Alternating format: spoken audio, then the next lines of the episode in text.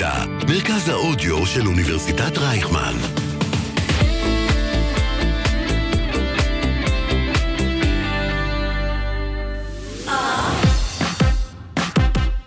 שוגר ספייס, המתכון לשבוע טוב, עם רוני פורט ושי קלוט. שלום לכל המאזינות והמאזינים, אתם בשוגר ספייס בכל האוניברסיטה, 106.2 FM, אני רוני פורט. אני שייקלוט. היום אנחנו הולכות לדבר על דברים שפחות נעים לדבר עליהם, כמו מסיבות, רווקים ורווקות. למה את אומרת שפחות נעים? אנחנו נסביר יש, למה זה פחות נעים. אנחנו נסביר למה זה אנחנו פחות נסביר למה זה נעים. פחות אה, אנחנו גם ניגע בסלנגים קיימים שחייבים, חייבים לצאת, לצאת מהאופנה ו... ושנה אחת קודם. וגם על אה, חוק ה... חוק האקלים, אני אומרת, על חודש האקלים. אנחנו נמצאות פה כבר תקופה. וממשיכות. מה זאת אומרת? אה, ובואי נתחיל פשוט, שייקלוט. אני. רוצה בעצם אה, לספר שהשבוע העליתי סטורי, שבו דיברתי על אה, מילה שמאוד מאוד מעצבנת אותי. המילה היא מדויק. מדויק. או כל השורש של דיוק, מדויק, כן. מדייק, כן. זה זה. היום זה יותר נפוץ אה, בהסברת רגשות, או את העצמי, אוקיי? זה מאוד מדויק לי, זה לא מדויק לי, אני מדייק את עצמי, אני מדייקת, אני עושה. אני לא אוהבת את השימוש במילה הזו. וכי. למה, רוני? קודם כל, יש בזה, לא יודעת, כבר ממש אה, שחקו את זה. זאת אומרת, אי אפשר, אי אפשר כבר להשתמש במילה הזו מבלי לצחוק בעיניי. ודבר שני, אה, סלנג אני מבינה, אני מבינה את הצורך בזה, אנחנו גם יודעות שעברית היא שפה מתחדשת, וחלק מהעניין אה, של להכניס מילים חדשות בתוך השפה הצעירה היחסית הזו, זה דרך הסלנג, אבל הייתי רוצה שזה יהיה יותר מדויק. עכשיו, למה, למה אני אומרת את זה? ראיתם מה היא עשתה פה? ממש. למה אני אומרת את זה? בגלל שזה... זה, זה מגחיך דברים, וחבל, ו, וזה, וגם מדויק, זאת מילה כל כך... אמ, לא יודעת, יש בה המון משמעות והמון אחריות. את יודעת, הסתכלתי בהסבר המילוני של מדויק, כזה מדוקדק, או בזמן הנכון ביותר, או נעשה ללא שגיאות. איך, איך, איך אנשים יכולים לתאר את, את עצמם ואת מי שהם בדיוק את הזה? יודעת מה זה אנחנו מזכיר נשים לי? משתנים, זה, זה חבל. את יותר מצודקת, זה נורא נורא נורא מזכיר לי את הבגרות שהייתה לי בספרות בי"ב. שם איזה טקסט על המילה מרגש והשחיקה שעושים למילה הזאת בהקשר לריאליטי וזה, לא, למה אני זוכרת את זה? אלוהים ישמור, תכניסו אותי כבר לא, זה למחלקה השפיע סגורה. עלייך, זה השאיר עלייך אבל זה חותם. ממש זה, זה כאילו, זה, זה אני ממש מתחברת למה שאת אומרת. יש מילה, יש לה משמעות, ופשוט החברה הוציאה את זה מפרופורציה, הוציאה את זה מהקשר, מפרופורציה. נכון, ואני רוצה גם לספר על עוד כמה מילים שעלו בסקר הזה שערכתי. בסקרה. בסקרה. אז uh, יש לנו את המילה סאחי, ויש לנו את אהבה, uh, אהובה. מה, מה קורה עם האהובה? כל אחת היא אהובה שלי. לוב, היא לוב. אהבה. כן. אה, גורם, זאת אומרת, גורם שלנו באיפשהו, מה זה גורם? זה, זה משהו שמשפיע על אחר, קצת אה, לא. גם קיבלתי להעצים, שוב אנחנו, יודעת, מגיעים, אה, מגיעות לעולם ה-new age, אה, no offense to anybody, וגם קצת, את יודעת, אה, משהו בינלאומי, literally. את יודעת, אני גם משתמשת ב literally, אבל. היא יותר, יותר התכוונה לזה כש, כשאנשים לא יודעים איך לשים את המילה literally. כשהם לא יודעים. כן, ואת יודעת, אה, לחדד, לחזק, אייקוני, יש לנו עוד הרבה מאוד זה מילים דווקא שעלו מילים בסקר נורא הזה, אבל... חיוביות, שימי לב, זה מדהים. אנחנו ננסה אולי למצוא שם איזה גורם משותף, איזה שדה סמנטי סביבם. כן, ובואו נשתדל להיות קצת יותר מקוריים, את יודעת, יצירתיים, אני מאמינה בנו. אני תמיד מאמינה בעד, בנו. תמיד בעד. כן, ובואו נתחיל עם אה, שיר אה, מיסי. ממש טוב, ישן נושן, Ching-a-Ling. יאללה, מיסי, קחי אותנו לתוכנית. ככה. כן, אני ככה בטוויטר, אנחנו באותה- יודעות, יודעים. באותה רשת צייצנים. ובסופה שהיה קטע ממש מעניין, איזשהו backlash בין כמה יוזרים ב- ברשת הזאת בהקשר לסוגיה שלא הבנתי מאיפה כאילו דווקא דרכה עולה שיח כן. שהוביל לשיח די לא מעמיק, אך, כן חתרני בתחום, נקרא לזה ככה. אחד הצייצנים, נשמע כמו הגדרה של טוויטר, כן? אחד הצייצנים צייץ את הציוץ הבא, איך בכל מסיבת רווקים יש את החבר הזה שמתאהב בחשפנית. אהה, יואו, זה קורה. כן. הכל, הכל בציוץ הזה, מה. שנקרא everything is wrong, נכון, כאילו כזה, כן. זה ה vibe. ואז אה, כל מיני יוזרים אחרים, אה, בדרכם העבירו ביקורת, אה, ובאמת התחילו לעלות כל מיני ציוצים, והיום גם ראיתי כבר גל אחר של וידואים ממסיבות רווקים, בהקשר להסנפת קוק גם, ודברים כאלה, כאילו, הכ- הכל גרוע, אוקיי? וואו, אוקיי, תור הזהב. ממש, תור הזהב. מסתבר ממש. שאנחנו ממש מצטרפות לטרנד שלא היינו מודעות אליו ברמה הזו. משהו וואו, אוקיי. הזיה, משהו אוקיי. כאילו קיצוני, מאוד ארטקור של, ה, של העולם הזה. עכשיו, בהקשר של הסיפור של חשפניות במסיבת רווקות, כאילו תהיתי בנוגע ל, לעניין של ההרגל, או ההרגל המגונה הזה.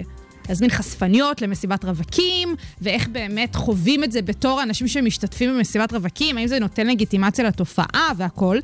כי כמו ב- כל דבר, אגב, זה מתחיל איפשהו, איפה שאנחנו נכון. תמיד אומרות, שזה אמריקניזציה, והקולנוע, בין היתר, וזה... בין היתר, אבל כאילו גם בהקשר ל- לציוץ הספציפי, הדברים עלו אחר כך גם בהקשר של, "אה, כן, אה, איך אני אוהב שפמיניסטיות מתעצבנות אה, בנוגע לעיסוק של חשפניות, אה, אה." סבבה. קודם כל, איך אני אוהב שפמיניסטיות, כן. התחלה טובה, כבר בא אליי בטוב.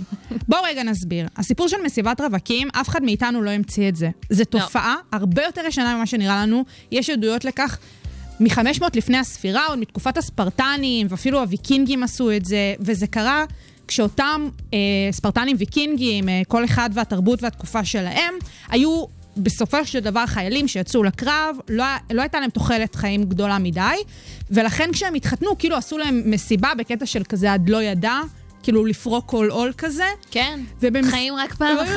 יולו, כן. יולו, כזה. ואז, באמת, באותה מסיבה כזאתי, אה, הם באמת עשו כל מיני דברים לא סבבה, אוקיי? בין היתר, דברים כמו להביא בחורות וקצת כזה אה, אונס קבוצתי. Mm. ס- אוקיי. עכשיו, זה ממחקרים, אוקיי, אני לא מביאה פה זה.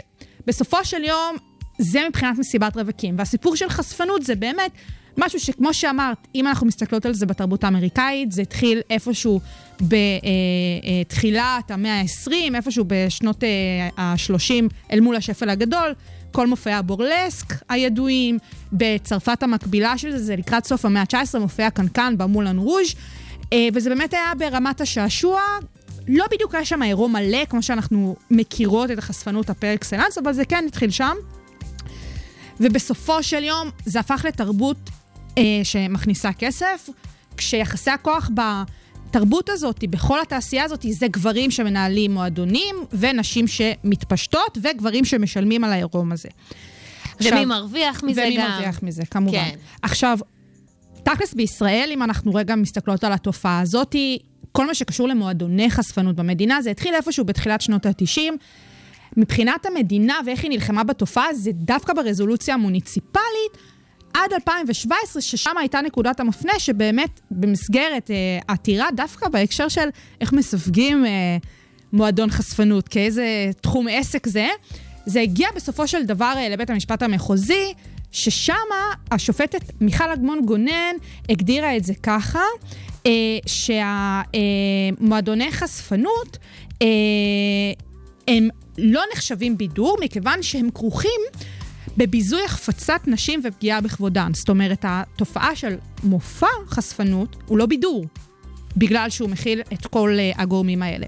שיש לו גם השפעה מן הסתם רחבה יותר מה... ממש. מהסיפור האישי של כל אחת. ממש. שזה גם לא טוב. עכשיו, באמת, זה ברמה של איך מפעילים מופע חשפנות, אה, מועדוני חשפנות. אבל יש את העניין של חשפנות עצמה. לדוגמה, להביא חשפנית למסיבת רווקות. שזה לא במסגרת של מופע חשפנות פר אקסלנס של מועדון, אלא אישה עצמאית שבאה ופועלת אה, כמישהי שרוצה לעסוק במקצוע הזה, במשלח היד הזה. ואז באמת באים אנשים ואומרים, חבר'ה, בישראל יש חוק יסוד, חופש עיסוק. כל אחת ואחד מהאזרחים יכולים להחליט שהם יכולים לעסוק במה שבא להם. העניין הוא שזה לא בדיוק עובד ככה, ואפילו בשנת 2018 חברת הכנסת מיכל רוזין ממרץ רצתה להעביר חוק אה, על איסור צריכת זנות וחשפנות. מאז זה שונה רק לזנות, הוא גם עבר ב-2019, אבל במסגרת הרצון שלה להעביר את החוק הזה, אפילו החשפניות עצמן קמו על הרגליים האחוריות שלהן וממש אמרו שמבחינתן, הן ממש זעמו על היחס המתנשא, הן טענו, זאת סטיגמה והיא פוגעת אה, בנו, לא רק הלקוחות, גם הסטיגמה כ- כסטיגמה. אה, חברת הכנסת רוזין הגיבה לסיפור הזה והיא אמרה, תקשיבו, אנחנו כחברה אומרים לדבר הזה לא. זה לא העניין של חושבים שזה לא מוסרי שאדם ימכור את איבריו בשביל להתפרנס. היא אמרה, אני חושבת שזה לא מוסרי שנשים וגברים ימכרו את מיניותם וגופם תמורת כסף. בסופו של דבר, מי שמשלם את המחיר זה לא האדם הפרטי, אלא החברה כולה, בדיוק כמו שאת אמרת. זה לא רק הסיפור הזה של אותה אישה שבאה ומוכרת את הגוף שלה בסיפור הזה.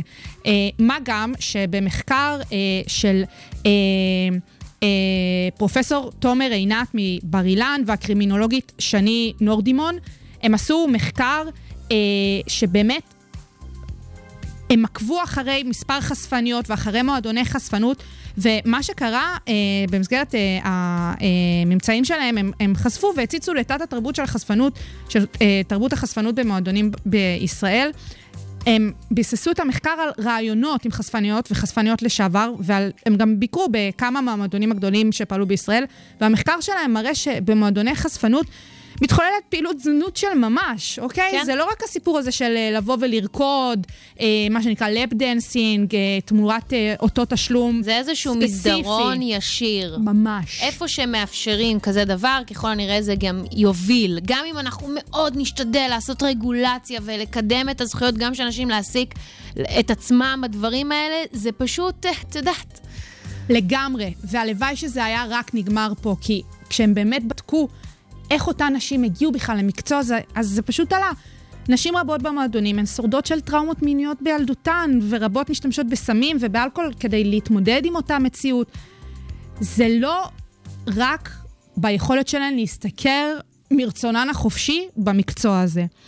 עכשיו, דיונים בטוויטר בקטע של צחוק עם דחקות זה טוב ויפה, אבל לא להיות מודעים לפרטים האלה ולא להיות מודעים לעובדות האלה ולמחקרים ולשיח סביב זה, זה דבר אחר. וכמו שבשנת 2019, בסופו של דבר העבירו את חוק אה, איסור צריכת זנות והשמיטו את הסיפור הזה של חשפנות אה, בצד, צריך למצוא לזה איז- איזושהי חלופה ואיזשהו פתרון ברמה החקיקתית, אין מה לעשות, כי כמו שאמרנו, הדברים האלה קשורים אחד בשני, ובסופו של דבר זה בשביל להגן עלינו כחברה.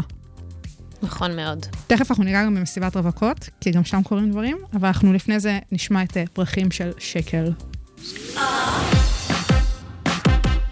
Sugar Spice, המתכון לשבוע טוב.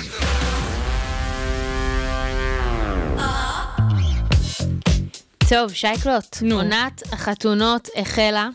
והיא ו- לא לבדה. מ- לא לבדה בכלל.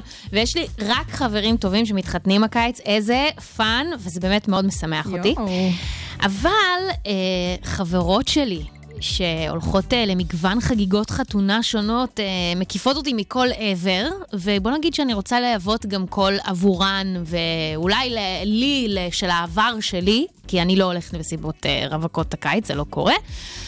אז uh, נתחיל לדבר על איפה שהגל הזה uh, עב- עבר להיות, חס... כאילו נחשפנו אליו, אוקיי? מדובר בשנים האחרונות, נניח בטווח של uh, חמש עד שמונה שנים, ברשתות, במדיה, את יודעת, בחדשות אפילו. הגל הזה הפך למפלצת שמאכילה את עצמה, אוקיי? זה החל מהצעת הנישואין שמצולמת, אחר כך זה איזה תחרות לייקים מוזרה כזאת, ו... סמל סטטוס, ועד למסיבת אירוסין, ועוד מסיבת רווקות, ואז אה, מסיבת רווקות אחרת, ואז גם הפרשת חלה למי שעושה את זה, ואז גם חינה, ואז גם מקווה, את יודעת, כל אחת והעדפות שלה, ואני מאמינה שגם שמתם לב שאני עוד לא הגעתי לחתונה עצמה. אז יש מי בסביבה שלי שחשה שמכיוון שהיא עוד לא הגיעה ל-so called אה, נחלה הזו, מדובר בכישלון של ממש. ו- ועצוב לי באמת בשביל, בש- בשביל כולנו, זאת אומרת, זה באמת מעציב אותי, זה, זה מפלצת פומו של יעדים אישיים.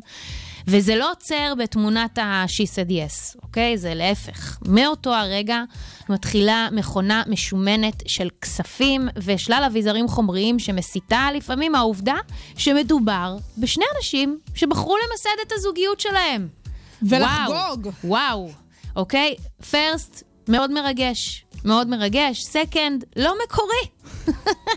איזה קטע, אנשים מתחתנים, אוקיי? זה קורה, זה מרגש למי שקרוב, ואני לא צינית בכלל, אבל מה שאני מבינה שנוצר הוא שכדי לייחד את המיסוד הזה של המערכת יחסים, וכאילו, את יודעת, בשונה מאחרים גם רוצים לש... לעשות את זה טיפה שונה, זה רצון לחגוג בכמה שיותר מקרים. כי את יודעת, אחת הסיסמאות הכי חזקות של כל הבלגן הזה, זה, זה עובר כל כך מהר, אוקיי? קיבלתי. רוצים, את יודעת, ליהנות מהדבר, אוקיי? נדמה לי, נדמה לי, שאפשר לשנות פאזה. את נותנת פה עכשיו... אני, אני חושבת, זה, אני, יש אני... כאן סטארט-אפים ו Sugar Spice? אולי, אולי. אני, זה מה שאני חושבת, אוקיי? אוקיי, משקיעים פוטנציאליים, אם אתם מאזינים כעת, זה זה הזמן. לא, כי במקומות מסוימים באמת זה יצא מכלל שליטה. ואני לא מדברת, אגב, על אה, כמות הכספים שנשפכת. שלא שנש- נתחיל, מה שנקרא, ממש, לדבר. ממש, לא, גם מצד הזוג, גם מהסובבים, זה כבר באמת סיפור שלם אחר. משהו בהרכב הזה, אוקיי? של כל החגיגות האלה, ואם אני רוצה עכשיו באמת להתעסק יותר במסיבות רווקות, אוקיי? או, את יודעת מה? לא כולן, לא נכליל. נגיד בחלקן, ברובן, מה שכל אחד אין אה, בעיה. מתאים לו, אין אוקיי? בעיה. ההרכב הזה הוא מאתגר, אוקיי? הוא יכול גם להיות משעשע. ויש כלות שרואות במסיבה הזו דרך לקרב בין כל המוזמנות שלה. ונוצרים אירועים של כל החברות מכל הקצוות, כולל משפחה וכל מיני מוזמנות של יואו, לא נעים לי לא להזמין אותה וזה. והרצונות והציפיות של כל אחת מהמשתתפות לא, לא בהכרח תואם אחת את זה השנייה. לא מתנקז לאותה נקודה. לא. זה לא. וגם, את יודעת, לא תואם את רוח הכלה, אוקיי? זה גם איזה משהו כזה. נפתחות קבוצות וואטסאפ, שהן באמת נוטות להיות מעיקות, ומאירוע מרגש, באמת, סיכמנו, מרגש.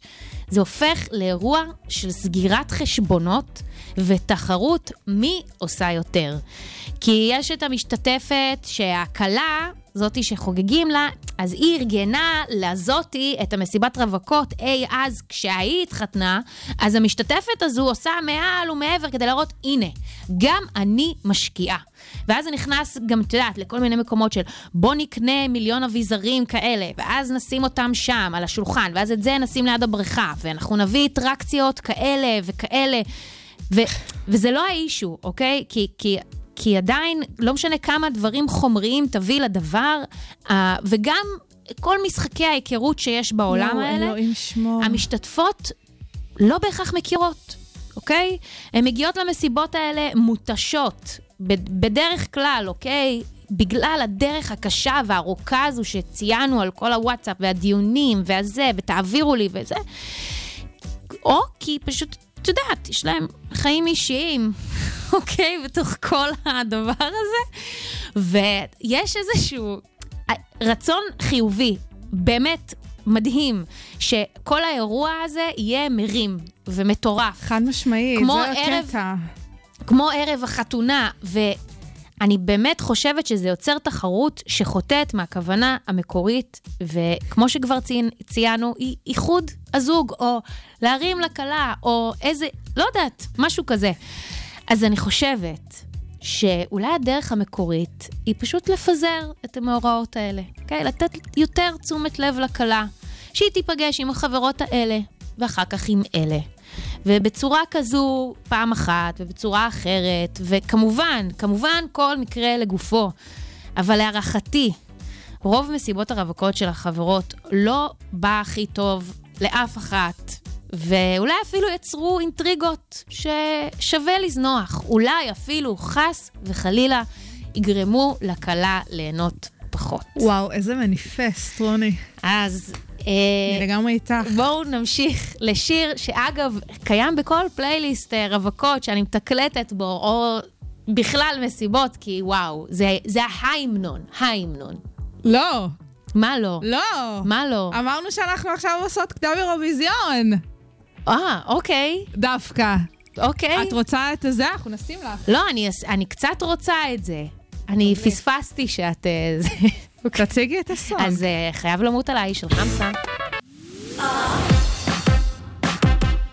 שוגר ספייס, המתכון לשבוע טוב, עם רוני פורט ושי קלוט.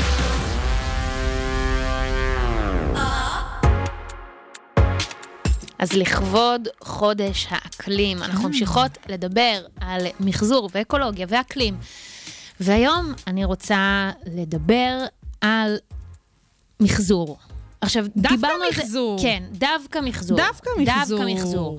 למה דווקא מחזור? אנחנו שוחחנו על עניין הבקבוקים לפני שבועיים, על זה שהרפורמה הזו די כשלה ברמה הארצית. כן, ביישום ו- של הדבר. ביישום של הדבר, אבל כן ברמה המוניציפלית, כל מיני ערים עושות uh, מאמצים כדי לשנות את המצב. בעבר היו לנו כל מיני מתקני מחזור מאוד גדולים, מאוד מגושמים, כאלה שגם יצרו פסולת בסביבה. ו...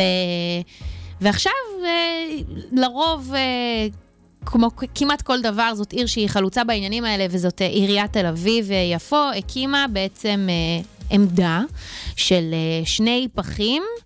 אה, זה פחים אה, מיוחדים שהם עשו מעין פיילוט כזה בשכונת פלורנטין, שזו שכונה שמאוד אה, אוהבת למחזר וכו'.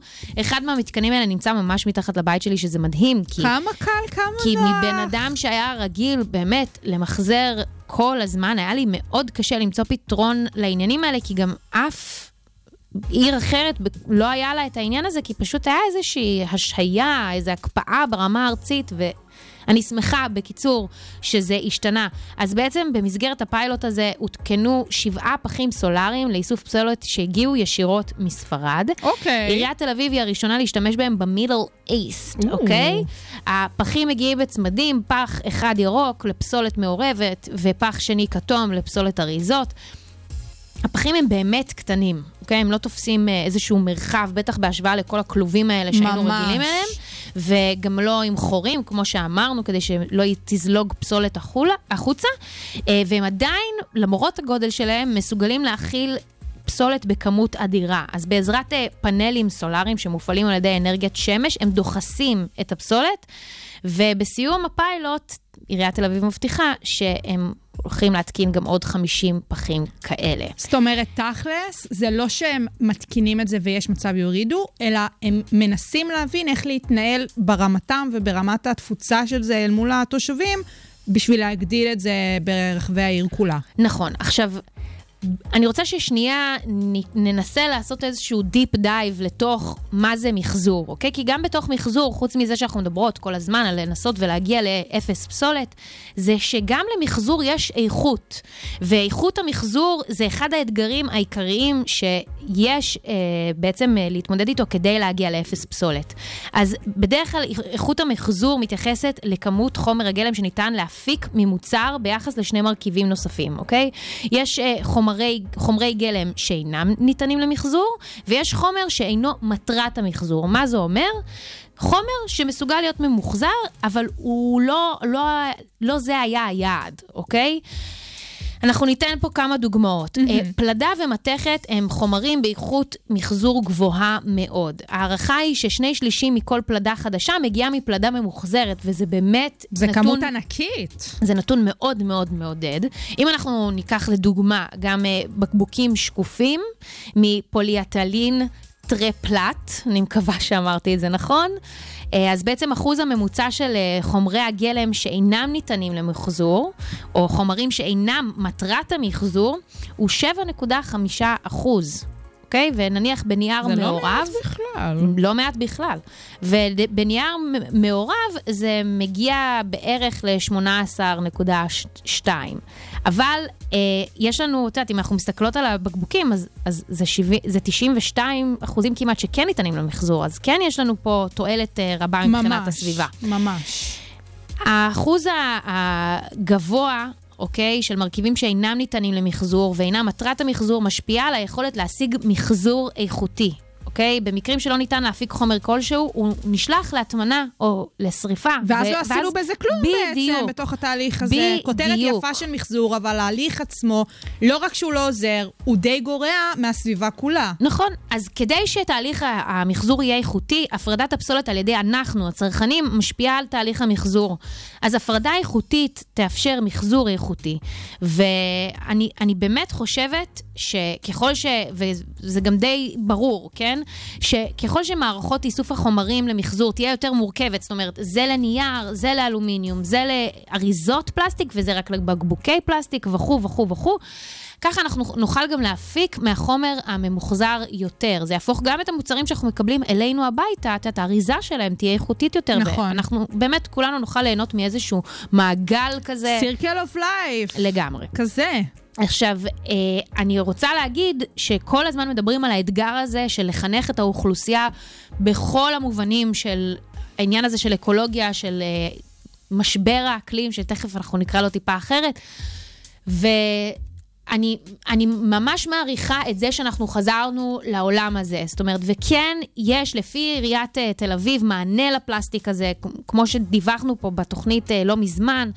לא היה מענה לעניין מחזור הפלסטיק. נכון, בעקבות הרפורמה שניסו לעשות במשרד להגנת הסביבה. אז עכשיו יש מענה, או לפחות טוענים שיש. אני רוצה להאמין שיש. אני חושבת שגם במידה ולא, אוקיי? אני לא לוקחת את זה כאיזה דבר מובן מאליו. גם אם לא, לפחות העניין הזה של לא עכשיו לזרוק מיד את הקופסת פלסטיק. לא עכשיו כשאני קונה משהו, אז אפשר לקנות את זה עם פלסטיק ולא לחשוב באמת על ההשפעות של זה. לא, ברגע שזה נמצא כל הזמן בתודעה שלנו, אנחנו רק יכולים להרוויח מזה.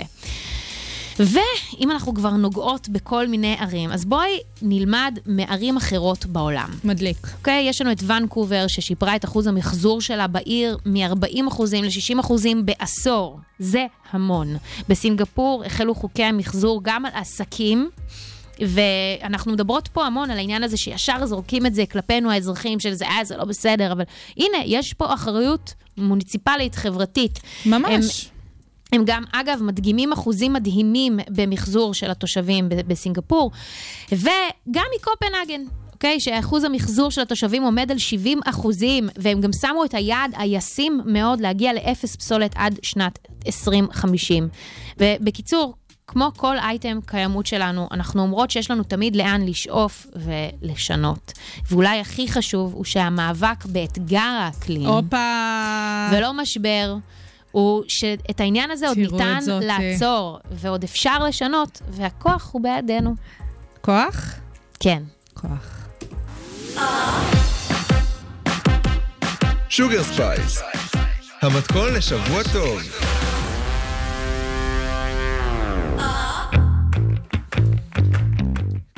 קלוט עם קלוט עם שייקלוט. שייקלוט. כזה, כן, בדיוק. זה הווייבים.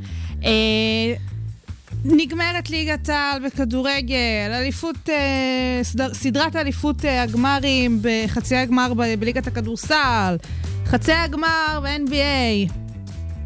מה שבאמת מרטיט כן. את עולם הספורט, כן. אבל ספורט אלטרנטיבי מהמם. בימים האחרונים, זה ההודעה הגדולה באמת שמגיעות מענקיות טכנולוגיה וענקיות, אה, ענקית הכדורגל. ואנחנו נסביר.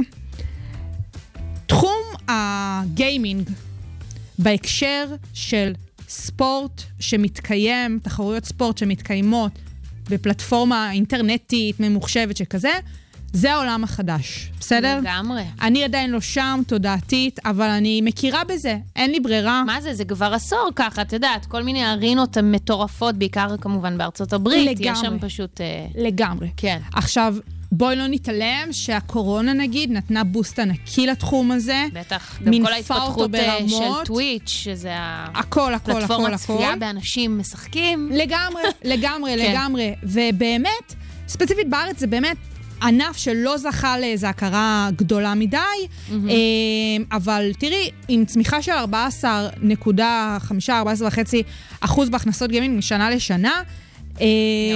אין מה לעשות. עד 2024, כמעט מיליארד צופים בשידורים חיים של משחקי מחשב. עכשיו, באמת, זה לא עניין של מה בכך. אפילו אנשים שהגיעו דווקא מפלטפורמות של שידורי ספורט בטלוויזיה, אה, כמו אה, סטיב בורנסטיין, שהוא היה מנכ"ל ESPN לשעבר, אחת מענקיות אה, שידורי הספורט בארצות הברית, הוא בעצמו אמר, אני מאמין שספורט דיגיטלי יקרא תיגר על כל ספורט מסורתי בהקשר של הזדמנויות עתידיות למפרסמים, מכירות כרטיסים, רישיונות, חסויות ומוצרים, או במילים אחרות, כסף. יס. מלא. מני. שם זה קורה, זה העתיד, ובסופו של יום, אם אנחנו מסתכלים, השנה תעבור לראשונה, אה, התעשייה הזאת, תעשיית הגיימינג, את רף ה-200 מיליארד דולר, המספר הזה עלה מ-192.7 מיליארד דולר, אשתקד 2021, וכן, השוק הזה רק הולך, צובר תאוצה. ומלא מלא כסף. אז אם אנחנו מדברות פה גם על הסיפור הזה של מי שישים את הכסף, שזה החסויות והמפרסמים, מי שישדר את התחרויות האלה, שזה רשתות השידור עצמן, שבאמת ישלמו לאותם טורנירים ואותם משתתפים סכומי עתק.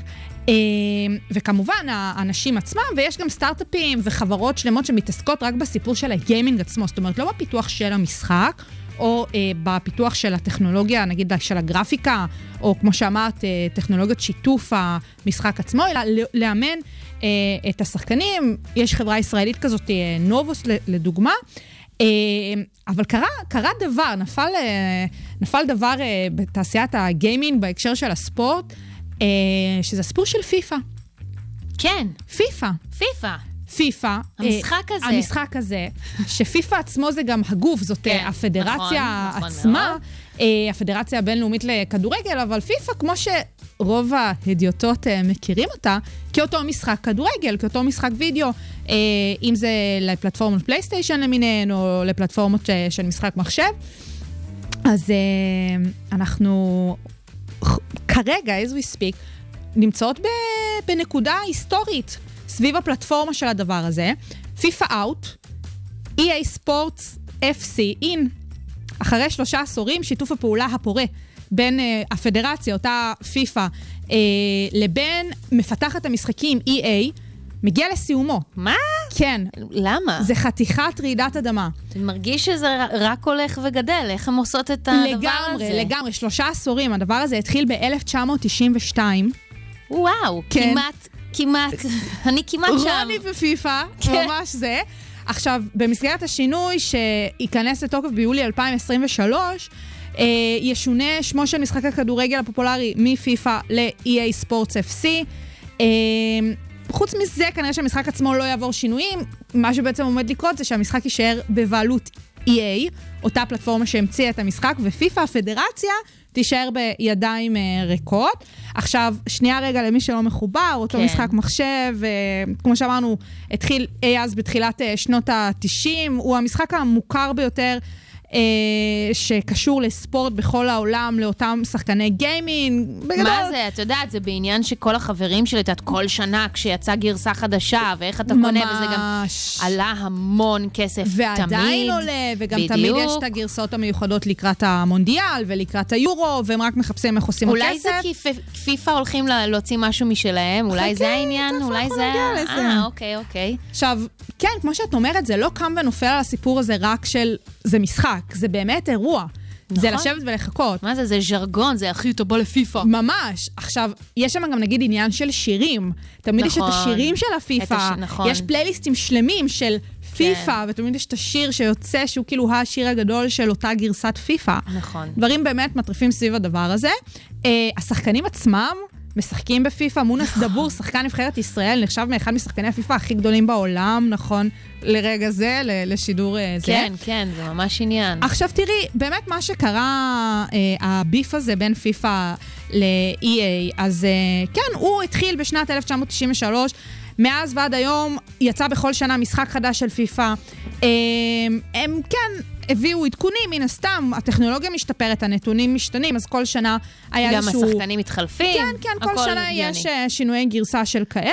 כן. ועל פי דיווח אה, של הניו יורק טיימס, הסיבה להפסקת שיתוף הפעולה אה, היא בעקבות אי הסכמה על התנאים השונים בנושא המשחק.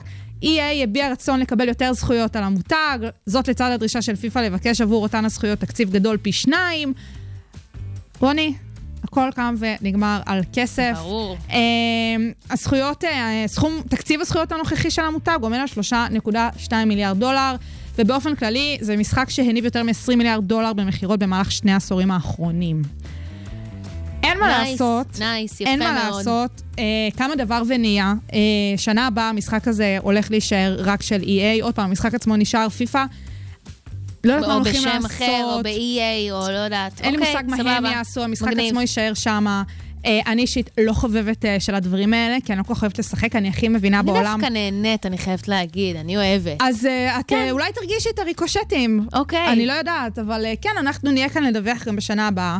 אה, וכן, זה חתיכת דבר, עם כל הכבוד לכל, לכל הדברים הסופר חשובים שקורים עכשיו, בכל הליגות. הפיזיות. טוב, עכשיו אני כן רוצה קצת קדם אירוויזיון, את מרשה לי? בבקשה. טיפה, טיפה. Sugar Spice, המתכון לשבוע טוב.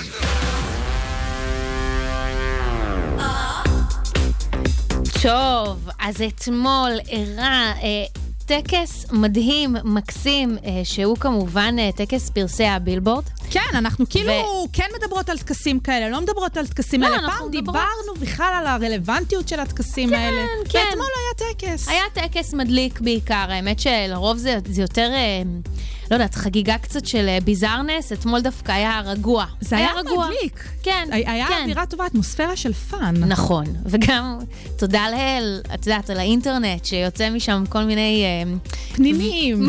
כן, כל מיני וידאוים של אנשים, אה, קארה דלווין, נותנת שם, אני לא, אין לי מושג מה הקשר שלה לעסקי המוזיקה, אולי יש לי השערה, בגלל שהיא הופיעה הרי בווידאו קליפ של, אה, איך קוראים לה? חברה שלה. טיילור. טיי- טיילור סוויפט. חלק מה gang הזה שלה. בדיוק, בדיוק. אז אולי בגלל הנוכחות שלה שם, אה. הביאו אותה כאורחת כבוד. כזה זה ברמה שהושיבו אותה בשורה השנייה. כן, היא כזה. הייתה ממש ב front. לא הבנתי את הקשר, אבל אנחנו גם זכינו לראות reunion על ה runway של, אה, של משפחת אה, סקוט, אה, and ג'נר. ממש. זו גם הייתה ההופעה הראשונה של טרוויס סקוט מאז הסיפור של Astroworld, שהיו כאלה שגם, אה, את יודעת, ביקרו ממש את העבירו ההופעה הזו. ביקורת. קיילי- קיילי עצמה ניסתה לבוא ולהגן עליו אה, במידה מסוימת, אבל כן, אתמול הוא יצא לפומבי מאז.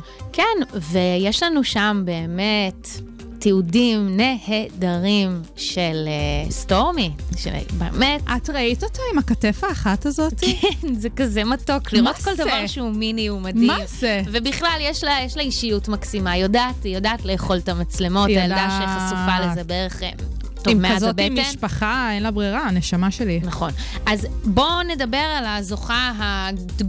הגדולה של בפער, הטקס. בפער. כן, היא דוג'ה קאט. כן, חביבת המערכת. אנחנו מאוד אוהבות אותה, אנחנו מאוד אוהבות את השירים שלה, אנחנו גם השמענו פה עוד את ה-A אז, הלהיט של המו, ובכלל אה, אוהבות אה, לשים אותה כאן. היא הגיעה בלוק, שיתוק. לוק שיתוק. לוק לא שיתוק. להתפוצץ. תקשיבי לי, טוב, אני... השוק, ה, מי שלא ראתה, היא בגדול שמלה שחורה יפה צמודה, ו... אה, שהחלק העליון שלה כן, זה החזה שני... שלה... זה שניים כאלה מחודדים, שני, כן. שני עמודים כאלה. בדיוק. שהם גבוהים אפילו יותר כמעט מהראש שלה, נראה נכון, לי, נכון? איזה כריות כתפיים כאלה, איזה אינדוקציה כזאת שעשו לה שם. כן. ובגדול החזה שלה חשוף עם איזה רשת ומדבקות פטמות בצבע זהב, וזה פשוט איקוני. כן. בא לי שכולנו נלך ככה עכשיו. זאת אופנה, מה זה? לא יודעת אם הייתי... אפרופו החשפניות מהאייטם הראשון. כן, אז לא, ורקדניות הקנקן והבורלס. אז אני אז לא... היא- היא מנרמלת. אז, אז זאת אומרת שהיא שאפה איזשהו... זה. תראי, אני לא... אני לא יודעת אם אני הייתי רוצה ללכת עם כזה סטייל. אני קר, כן... זה קר. אני כן עפה על זה שהיא מתלבשת ככה מאוד יפה לה, מאוד מחמיא לה, אני מאוד שמחה בשבילה. וגם היא ידועה כזאת, את יודעת, ככזה לא שמה... אבל...